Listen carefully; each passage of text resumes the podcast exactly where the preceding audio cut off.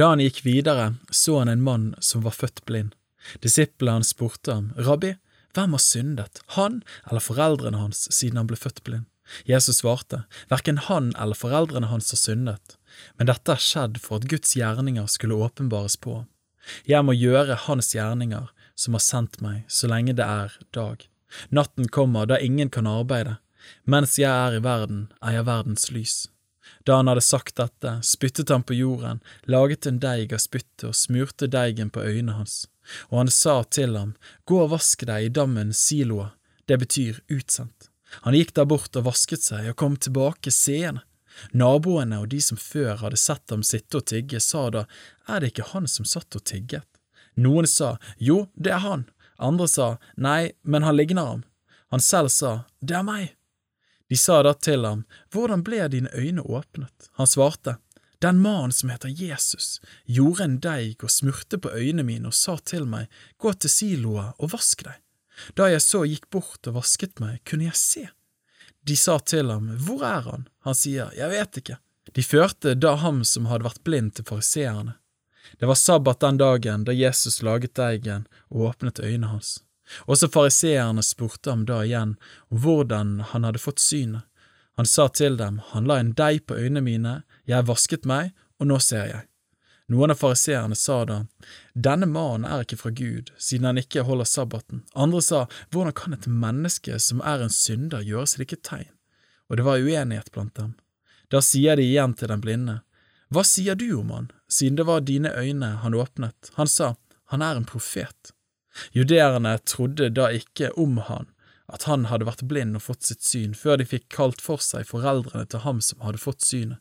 De spurte dem, er dette sønnen deres, som dere sier er født blind? Hvordan har det seg da at han nå ser? Hans foreldre svarte, vi vet at dette er sønnen vår, og at han ble født blind, men hvordan det har seg at han nå ser, det vet vi ikke. Og hvem som har åpnet øynene hans, vet vi heller ikke, spør ham selv, han er gammel nok til å svare for seg.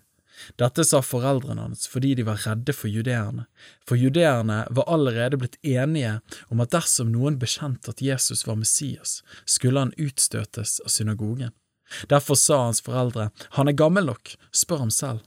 De kalte da for andre gang til seg mannen som hadde vært blind, og sa til ham, Gi Gud ære, vi vet at denne mannen er en synder.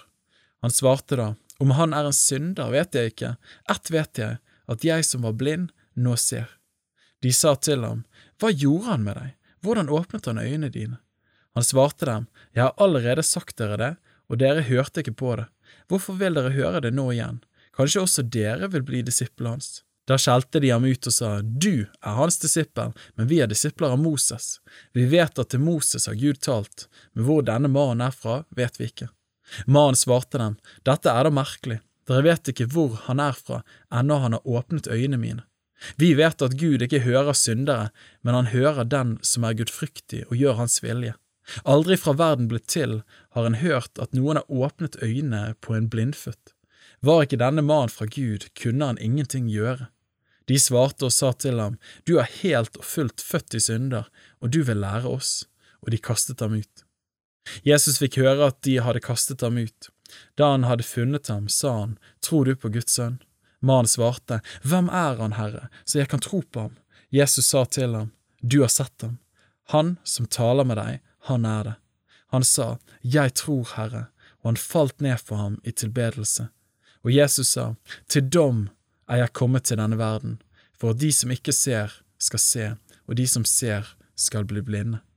Noen av fariseerne som var der sammen med ham, hørte dette, og de sa til ham, Vi er kanskje også blinde. Jesus sa til dem, Var dere blinde, da hadde dere ikke synd, men nå sier dere, Vi ser, derfor er dere fremdeles skyldige.